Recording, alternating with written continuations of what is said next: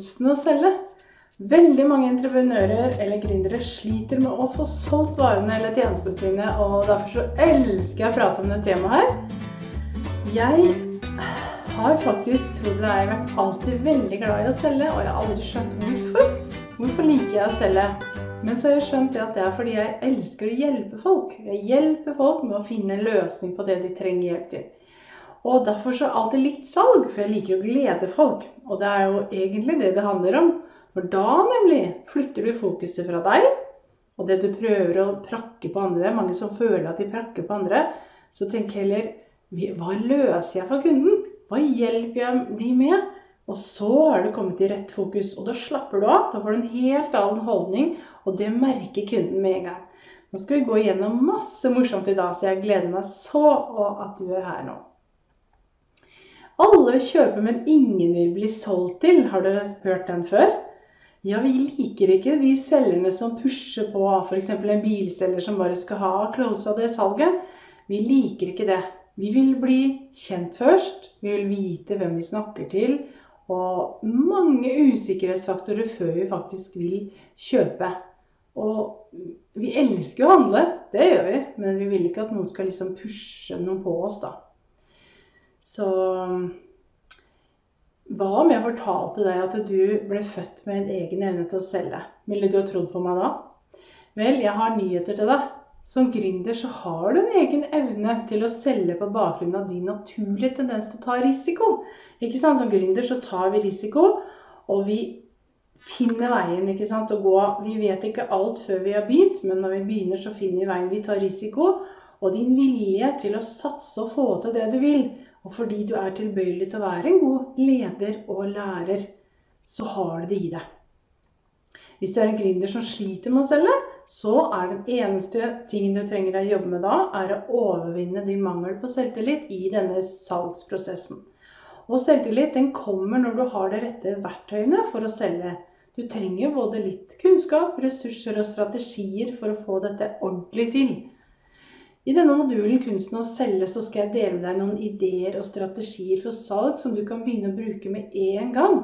Disse strategiene vil du komme langt med når du kommer til å overvinne eventuelle salgsfobier du måtte ha.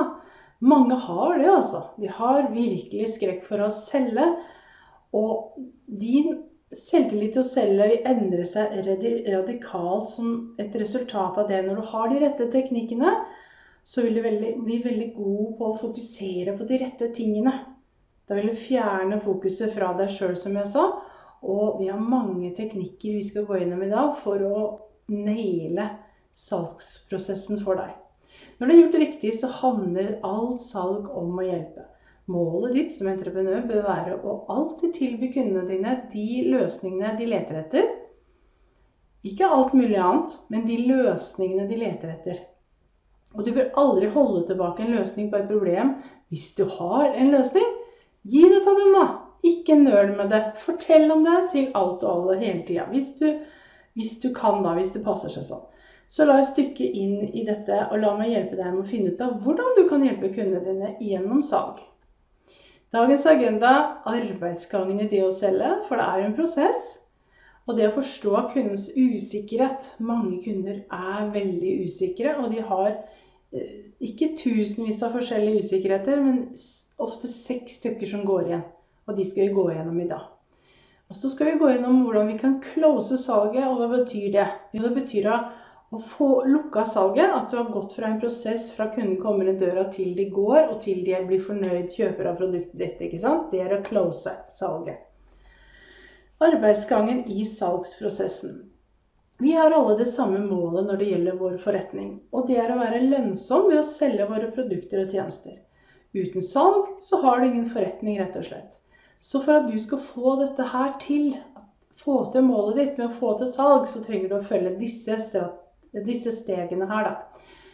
Steg nummer én du er eksperten. Du må være en ekspert og opptre som en ekspert.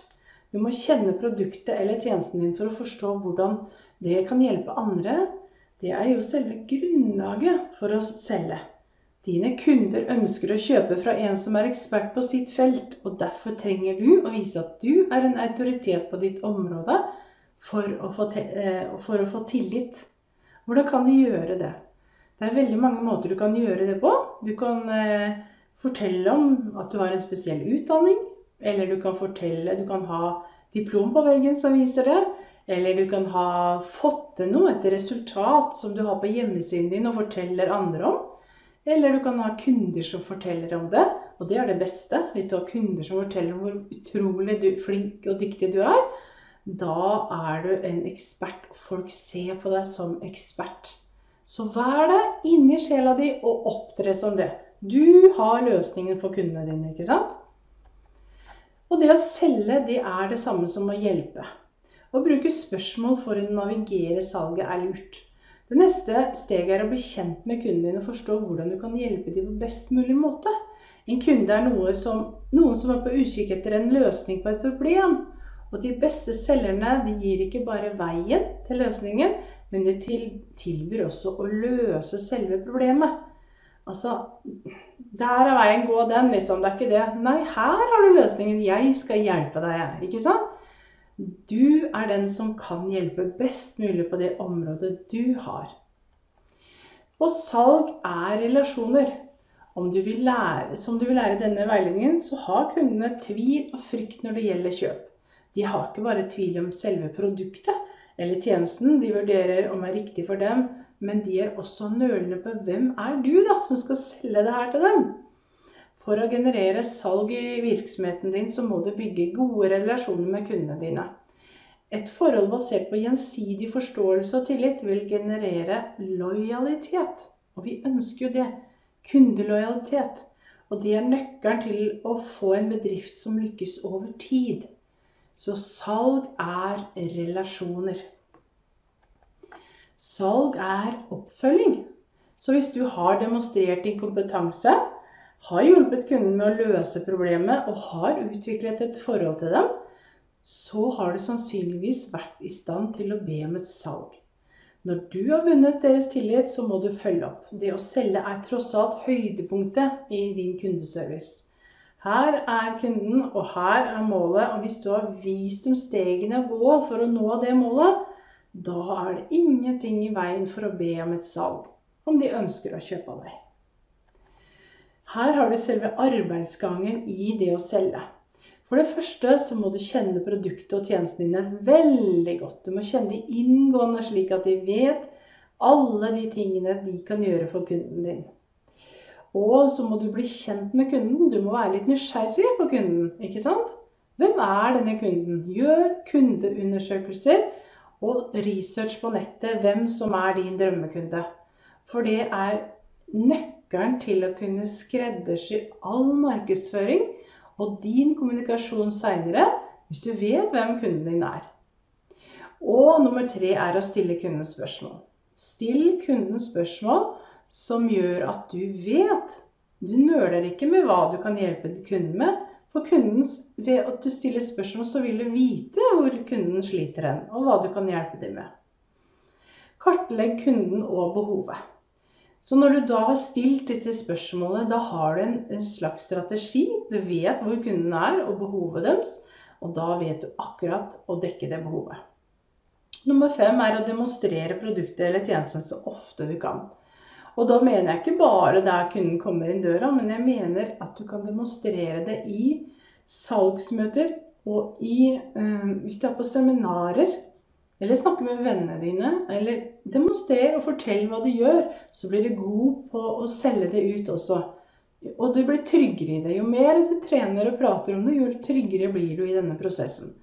Ikke nøl med å si det. Bare vær deg selv, fortell om dette andre. Og folk blir ofte veldig interessert og stiller masse nye spørsmål. Og kanskje ting du ikke har tenkt på i det hele tatt selv. Og det er det som er nøkkelen. Hvis du demonstrerer og snakker om det du tilbyr. Og spør om de ønsker å kjøpe. Når du har gått denne kundeveien med kunden, spør, da må du spørre om de vil kjøpe. Om dette er noe for dem. Ikke sant? Og nummer syv, det er oppfølging. Ikke sant? Eh, kjøper de ikke av dem med en gang, så følger du opp. Har de kjøpt av deg, og de trenger mer hjelp eller veiling til hvordan de skal bruke tingene, følg opp. Dette er gull for kunden at du gjør, og det skaper veldig god kundelojalitet hvis du bryr deg og følger opp. Forstå kundens usikkerhet. Success in dealing with people depends on a sympathetic grasp of the other person's viewpoint. Og hva betyr det? Suksess når du har med folk å gjøre, det handler om at du kan sette deg i kundens ståsted. Ikke sant? Da må du være sympatisk og kunne sette deg inn i hva er det kunden trenger. Da vil du få suksess. Forstå kundens usikkerhet. Hvis du er usikker som selger, tror du det påvirker kjøperen? Veldig. Det skyldes antageligvis at du har din egen frykt når det gjelder å bli solgt noe til. Så kjøp er en forpliktelse. Og du har jo jobba hardt for pengene du har. Og det har jo kunden også, ikke sant? Så de vil jo ikke kjøpe noe som ikke de vet de virkelig vil ha. Er du usikker på om det er noe for dem, ja, da er i hvert fall de usikre på det, ikke sant? Så, og vi kommer tilbake til dette konseptet mye, men når det er gjort riktig, så er det å selge det samme som å hjelpe. Det å forstå hva kundens eksakte problem er, og ha den perfekte løsningen på det. Salget handler om å gjøre at kunden føler at de er verdsatt, og at deres behov oppfylles. Det gjør dem helt trygge. Og du gjør dette ved å forstå deres frykter og overvinne dem. Jeg vet ikke om du har hørt om, eh, om eh, det uttrykket 'no like and trust factor'. Altså kundene må kjenne deg, de må like deg, og de må stole på deg for å kjøpe. Ikke sant? Eh, jeg har et eksempel. Jeg elsker å reise. Ikke sant? Jeg reiste til Thailand, jeg reiste til Bali, jeg reiste Paris og, og masse Italia og USA og sånn. Men noen ganger så blir du lei av mat, eller den tradisjonelle maten, f.eks. leftikos, eh, kleftikos i, i eh, Grekenland. Ikke sant? Så kommer du på reisen hjemover, og så møter du McDonald's-restaurant. Og det er jo ikke den mest anbefalte maten, men hvis du er matlei, så vet du hva du får. Ikke sant? Du kjenner produktet, og du liker det, og du stoler på det. Du stoler på det du får, at det er det samme overalt i verden. Akkurat det handler om også å forstå kundens usikkerhet. De skal feies av banen all usikkerhet, sånn at de kjenner deg, liker deg og stoler på deg. Så det var et lite eksempel på det. Vi skal gå gjennom de seks fryktene som en kunde kan ha, og det må bli besvart. Frykt nummer én det er frykten for deg som selger, faktisk. For å overvinne denne frykten så må du være ærlig og sannferdig og plassere deg selv som en ekspert og autoritet. Når du har gjort dette, så må du demonstrere for kunden at du har svaret på problemet deres. Ikke sant? Vær trygg på at du har svarene. Nummer to, de har en frykt for å ta feil. For ingen ønsker å oppleve denne kjøpers anger, ikke sant? De angrer med en gang de har kjøpt noe. For du overvinner denne frykten ved å ta opp alle bekymringer om produktet eller tjenesten på forhånd. Og være transparent med kunden. Ikke sant? Ja, jeg skjønner at du kan oppleve bekymring i forhold til denne støvsugeren. Da har vi den eh, riper ikke opp gulvet ditt, den bråker ikke så mye, og den støver ikke, og her ser du filteret. Så jo mer du adresserer ting som de kan være bekymret for, og spør på forhånd hva de som gjør de usikre eller sånn, så er det plenty av tid for deg å forklare hvorfor dem ikke skal ta feil. Fordi ditt produkt er jo så mye bedre enn de andre konkurrentene dine. ikke sant? Så folk er redde for å ta feil, og du må være totalt transparent med kunden din. Frykt for å miste ansiktet. At du ønsker at din kunde skal føle seg bra med sin beslutning om å kjøpe av deg. Kom alltid fra et ståsted hvor du ønsker å hjelpe og styrke kunden din. Og snakk aldri nedsettende til dem. Vær empatisk.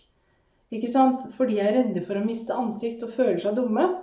Og du skal gjøre at de føler seg vel med kjøpsprosessen. Du skal gjøre dem trygge og være god med dem. Aldri latterliggjøre eller snakke ned til dem. Det neste er jo frykten for det ukjente. Overvinn den frykten ved å gjøre det til din prioritet å utdanne kunden. Ja, utdanne kunden på fordelen med produktene eller tjenestene dine. Dvs. Si at du skal eh, vise dem, fortelle dem og demonstrere. Fordi at dette produktet kanskje ikke er kjent for dem ennå. Kanskje de aldri har sett det før. Kanskje de aldri har hørt om den tjenesten du tilbyr engang. Nei, da må du gjøre de trygge og gjøre det ukjente kjent. Ikke sant? så er det frykt fra erfaring. Alle har jo en liten ryggsekk bak seg. ikke sant? De, de har noen dårlige erfaringer med forskjellige kjøp. Så hvis kunden din har hatt et negativ kjøpsopplevelse tidligere, så må du håndtere deres usikkerhet. Det er jobben din, det. Du overvinner dette ved å få dem til å føle seg trygg. Ikke sant?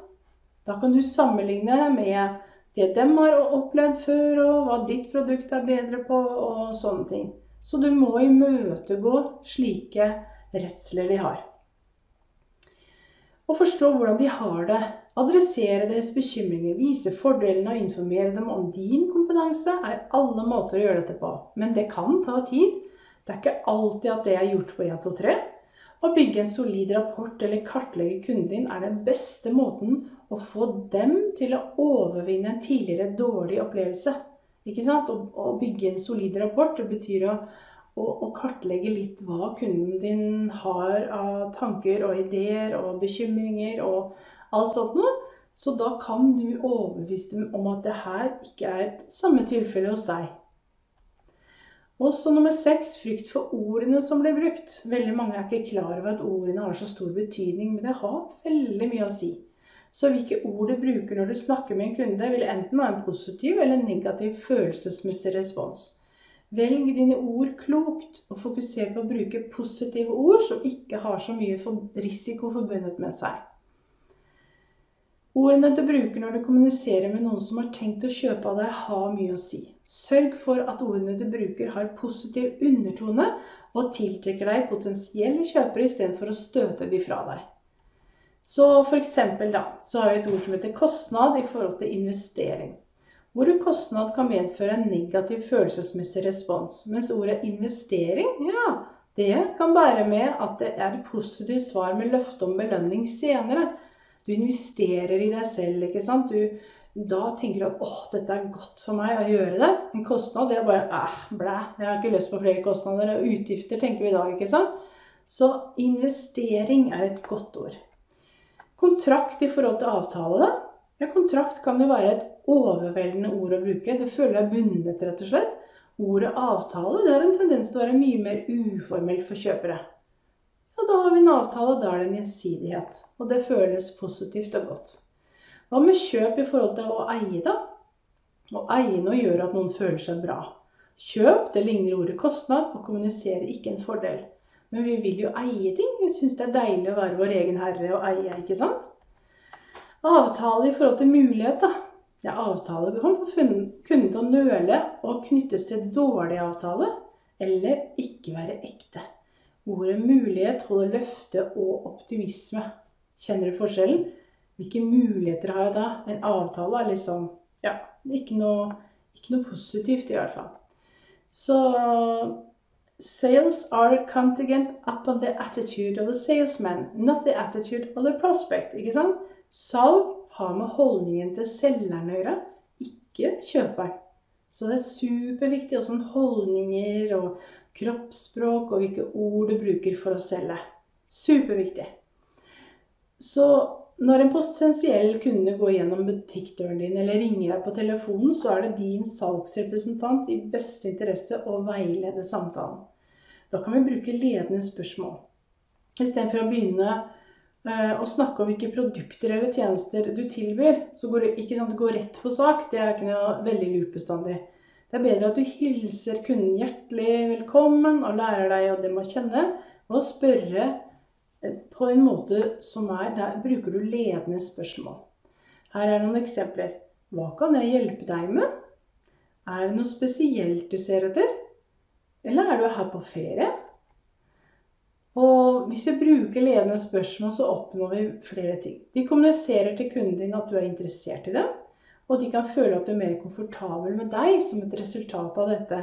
Ikke sant? Du bryter isen og spørrer litt rundt kunden istedenfor å bare gå rett på salget.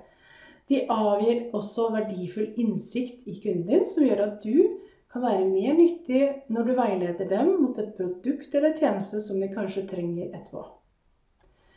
Nøkkelen her er å komme fra et autentisk sted for virkelig å bli kjent og forstå kunden på et dypere nivå. Lytt til kunden din, og engasjer deg med deres svar, og ta deg tid her. Det tar tid å bli kjent og få dem til å slappe av, men ta tid og start en samtale. De beste selgerne de er kjempegode til smalltalk. Snakk om vær og vind, ditt og datt, men tips ikke start dine ledende spørsmål med hvorfor. Fordi at de kan skape usikkerhet og frykt og virke konfronterende. Aldri hvorfor. Men hvordan uh, Ja, snakk om vær og vind. Tø opp først. Og så er det noe som heter ja-spørsmål. Fordi folk har frykt knytta til å bli solgt til, så er det en tendens til at kundene forholder seg helt stille. Siden du vil hjelpe dem, så er målet å holde samtalen aktiv og få de engasjert. Og ja-spørsmål, da, da, da, forventer du et ja tilbake. Så noen eksempler her. Det er, dette er en vakker farge, ikke sant? Det er jo ledende spørsmål. Det er et ja-spørsmål. Diamantene på dette anhenget, det er gnistrende, er det ikke? Å ha en garanti på alle nye apparater er viktig. Er du ikke enig, så leder du det liksom inn. Og når du setter en uttalelse om produktet eller tjenesten din inn i, i spørsmål, så får du kontakt med kunden.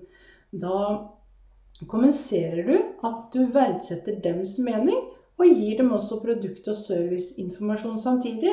Så, men må du passe på å lytte og høre etter hva de svarer, da, ikke sant? Det er viktig. Begrens denne bruken av ja-spørsmål til anledninger du trenger å få kunden til å engasjere seg, men, men, ikke bruk de for ofte og for mye. Sikre at dine spørsmål er lette å svare på, og anerkjenn deres svar, og vær ekte. Vær en god lytter.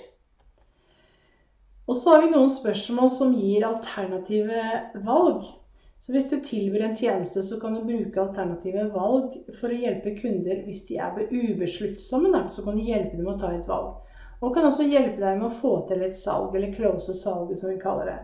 Et alternativ valg er eh, et enten-eller-type spørsmål, hvor er, svaret er ofte en avtale. Disse typer spørsmål er best brukt når man sikrer en tidsforpliktelse eller et møte. F.eks. da det høres ut som du er mer tilgjengelig om morgenen. Passer mandag bedre, eller vil du heller møtes på tirsdag? Ja, Da er det opp til kunden å velge mandag eller tirsdag. ikke sant? Da har du hjulpet dem til å velge det. Eller jeg tilbyr min coachingservice enten via telefon eller via Skype. Hva passer best for deg? Da har du hjulpet dem til å velge det, ikke sant? Og når kunden gir deg sitt svar, så sikrer de sin forpliktelse. Da har du på en måte lokka det inn i et svar som dere blir da enige om. Er ikke det genialt? Så hvorfor stille spørsmål? Jo, som vi har lært, så kan du spørre dine kundespørsmål om Bruker det som et salgsverktøy. Spørsmål kan bidra til å veilede samtalen, holde samtalen i gang, kan gi informasjon som både hjelper deg med å lære hvordan du best kan hjelpe kunden din, og hjelpe kunden til å forstå hva de vil. Ikke sant? Den grunnleggende årsaken til at vi ønsker å stille spørsmål, er imidlertid å bygge rapport og tillit. Vi skal lære litt om, om, kunden, og kunden skal lære litt om deg. Ved å vise interesse i kundens behov, ønsker og meninger gjennom spørsmål, så vil kunden reagere positivt og gjenspeile seg ved å være interessert i deg. Dette skaper kundelojalitet. Og lojalitet det bygger bærekraftig virksomhet, ikke sant? Du ønsker at kunden skal bli lojal og kjøpe av deg flere ganger. Og close salget. You don't close a sale. You open a relationship if you want to build a long-term successful enterprise. Ikke sant? Du closer ikke salg. Det er ikke salg som avsluttes. Men du åpner for et eh, langvarig forhold. Et kunde- og leverandørforhold. Det er mye oppmerksomhet rundt å få til et salg, men i virkeligheten vil det meste arbeidet som blir gjort i forkant, lede naturlig frem til salget. Ikke sant? Det er ikke bare derfra og smekk, så er det salg. ikke sant? Det er, det er kanskje hvis du handler en, eh, noe på Narvesen, da, så er det jo ikke noe sånn salgsprosess, for det selger seg selv. Det er billige ting, men er det litt ordentlige ting, så må du kanskje jobbe litt for å få til et salg og close salget. Så forarbeidet er jo det som leder naturlig frem til salget. Så hvis du har fulgt salgsarbeidsflyten, jeg har vært innom, ved å bli kjent med kunden din og bygge rapport og tillit, og finne ut av hva de sliter med, og komme med en felles forståelse av nøyaktig hvordan du kan løse et problem som kunden din har, så spør du bare om de ønsker å kjøpe det du har å selge. ikke sant? Det er jo helt naturlig. Derifra, nå har du gått veien, og der er de og da må du jo tilby tilby det de, og få lov til å kjøpe. Her er det flere måter å gjøre det spørsmålet lykka på. Det ene er å være forberedt.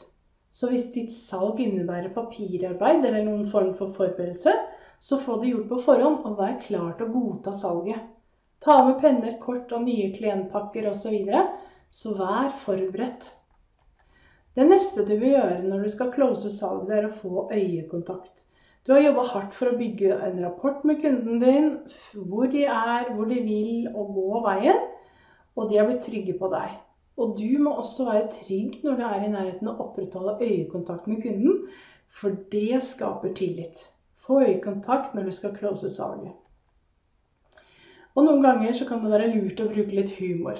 Latter er vennlig og morsomt, og du kan definitivt lette spenningen under et salg. Du vil ikke bruke humor på egen bekostning, for det kommuniserer ikke tillit. Det virker som du da rakker deg selv ned, ikke sant? Og du vil aldri prøve å være morsom på kundens bekostning, for da vil de jo ikke stole på deg. Men det er sikkert ok å lette stemning under forhandling eller salg hvis du kan. Men bruk kløkt her, og vær blid og vennlig, og bruk humor der du kan. Kommuniser tydelig. Det er alltid best å kommunisere tydelig under et salg. Prøv ikke å snakke for fort, eller bruk for gylne, store ord og vyer for noen tillit til deg så gjør alt du sier så selvforklarende som mulig. Ikke bruk masse fancy ord og uttrykk, men gjør det sånn at kundene skjønner hva de får. Vær veldig, veldig tydelig. Jeg har noen morsomme fun facts her om, eh, om det med kunder. Når du closer salget ved å løse et problem, så er det fire ting som skjer. Det ene er at du hjelper noen å innse deres egne ønsker. Ja, det er ikke alltid de vet selv hva de vil ha engang, og det hjelper du med, ikke sant? Nummer to, du hjelper noen fra å utsette det de ønsker skal skje. Å, jeg har så lyst til å reise jorda rundt, og du er jo reiseleder, ikke sant? Du skal hjelpe dem også å få det til å skje. Fordi vi er eksperter på procrastination, er et sånt uttrykk som heter at vi utsetter og utsetter ting. Men det hjelper du med, at de slipper å utsette lenger, for du har løsningen, ikke sant? Og nummer tre, du hjelper noen å håndtere sin frykt. Og vi har vært innom seks frykter som du hjelper de å håndtere. Og er ikke det fint, da? Det er deilig, det. Og så hjelper du noen å overkomme sin ubesluttsomhet. Kanskje du sier vil du, vil du kjøpe nå, eller i morgen, eller vil du møtes eh, tirsdag eller onsdag, eller andre ting. Da har du liksom hjelpa de til å få en løsning. For vi er ofte sånn at vi trenger noen til å få en løsning. Ellers så hadde jo ikke mange er jo så ubesluttsomme, og de vet ikke hvor de skal gå engang. Så da har du fire sånne ting du hjelper kundene med, som er litt hyggelig, da. Hva med å selge på nett? Har du solgt uh, Har du en butikk, sånn fysisk butikk, så har du kanskje vurdert å selge på nettet. Så hvis salget er så nært knytta til det å lytte og bygge tillit med kunden, så kanskje lurer du på hvordan du kan bruke alle disse tingene alle disse salgsstrategiene dine til en internettvirksomhet, eller om det er mulig i utgangspunktet i det hele tatt? Og svaret er ja. Du kan absolutt bygge rapport og lytte til kunden din hvis virksomheten din er online. Vi fant ut eh, at en online-butikk ikke er så annerledes fra vår fysiske butikk, og at det nå er en miks av våre tjenester, sier Gail Elliot. Og det er jo det som er. Har du en fysisk butikk og har en nettbutikk, så utfyller de hverandre. Så det er bare positivt om du har begge deler, eller bare én av de. Det er ikke noe vanskelig å bli kjent med kunden, selv om det er på nett. Så uansett om du foretrekker å kommunisere via e-post eller på telefon, så må du kontrollere at den primære kontaktmetoden din er fremtredende på hver side på internettstedet ditt. Bruk CTA eller Call to Action. Det betyr handlingsknappen din som spør besøkende om spørsmål som 'Hvordan kan jeg hjelpe deg?', 'Har du tilbakemelding på oss?' eller 'Ring for å avtale en gratis konsultasjon'. Sånn at kunden kan få tak i deg. Du må i hvert fall ha et kontaktskjema eller et eller annet på siden din. Skriv en blogg der du som bedriftseier åpner og er gjennomsiktig med publikum. Gjennomsiktighet bygger tillit. At du deler sånne noen personlige ting også, så du blir kjent med deg. Ta med videoinnføring av deg på nettstedet ditt, der du spør kunden om tilbakemeldinger spørsmål er lurt. holde webinarer med live Q&A, altså spørsmål og svar live. Noen kunder kan være mer tilbøyelige til å begynne å engasjere seg med deg og stille spørsmål her, enn å tørre å ta kontakt med deg direkte. Alle har jo forskjellige preferanser, så hvis du tester ut litt forskjellig, så vil du få en bra dekning hele veien. Så finn ut hvilke sosiale nettverk dine drømmekunder er på, og engasjer deg med dem der. Sosiale medier er en fin måte å lytte til og bygge tillit på. Eh, veldig forskjellig fra bedrift til bedrift hvilke sosiale medier du er på. Eh, noen av business to business, er eh, på kanskje LinkedIn og Twitter, mens andre er på Facebook og Instagram. Men det, det mest populære nå er å legge ut video. Du har jo Instagram TV, og du har jo, eh, du har jo live-TV på, på, Facebook også. Og så har du YouTube, og du kan undervise og hjelpe kundene dine på mange mange måter nå. Mye mer enn før. Og med en gang de blir kjent med deg og lytter til deg, så bygger du tillit. Send spørreundersøkelse til kundene dine og be dem om tilbakemelding, anbefalinger og henvisninger. Dette er noe jeg bruker selv en del, og det syns jeg er så fint, for da får jeg tilbakemelding. Er det noe bra? Bør noe justeres? Er det noen anbefalinger? Ja, det er så gull, altså. For det er jo det, er jo det viktigste. Sosiale eh, bevis også er viktig, og at noen anbefaler deg, er superviktig. Frem med å feire kundene dine på nettstedet ditt, på bloggen din og sosiale medier. Kunsten å selge, her har du noen tips i tillegg. Begrens tida du bruker til å snakke. Mens du trenger å kunne kommunisere fordeler med produktet eller tjenestene dine, begrens hvor mye tid du bruker på å snakke, og bruk mesteparten av tiden sammen med kunden og lytte. For det er kunden som skal være i fokus, det er ikke deg. Ikke sant? Så det er kjempelurt å begrense den til kortest tid, egentlig. Og noen ganger så trenger vi en dørvokter eller en som tar telefonen på vegne av deg. Noen ganger forventer folk faktisk flere lag i en organisasjon før de møter en ekspert eller autoritetsfigur. Og for å vinne ved salg må du sørge for at du er posisjonert som en ekspert. Og hvis du er konsulent eller leverer tjenester, så bør du vurdere å ansette en virtuell assistent som kan ta imot innkommende anrop. Utvikle et selgende tankesett. Skamløs selvfremmende. Det er et begrep med en negativ klang, men du bør ikke være unnskyldende eller skamfull for å vise deg fram. Husk at du, er, du skal selge produktet, du skal leve av det.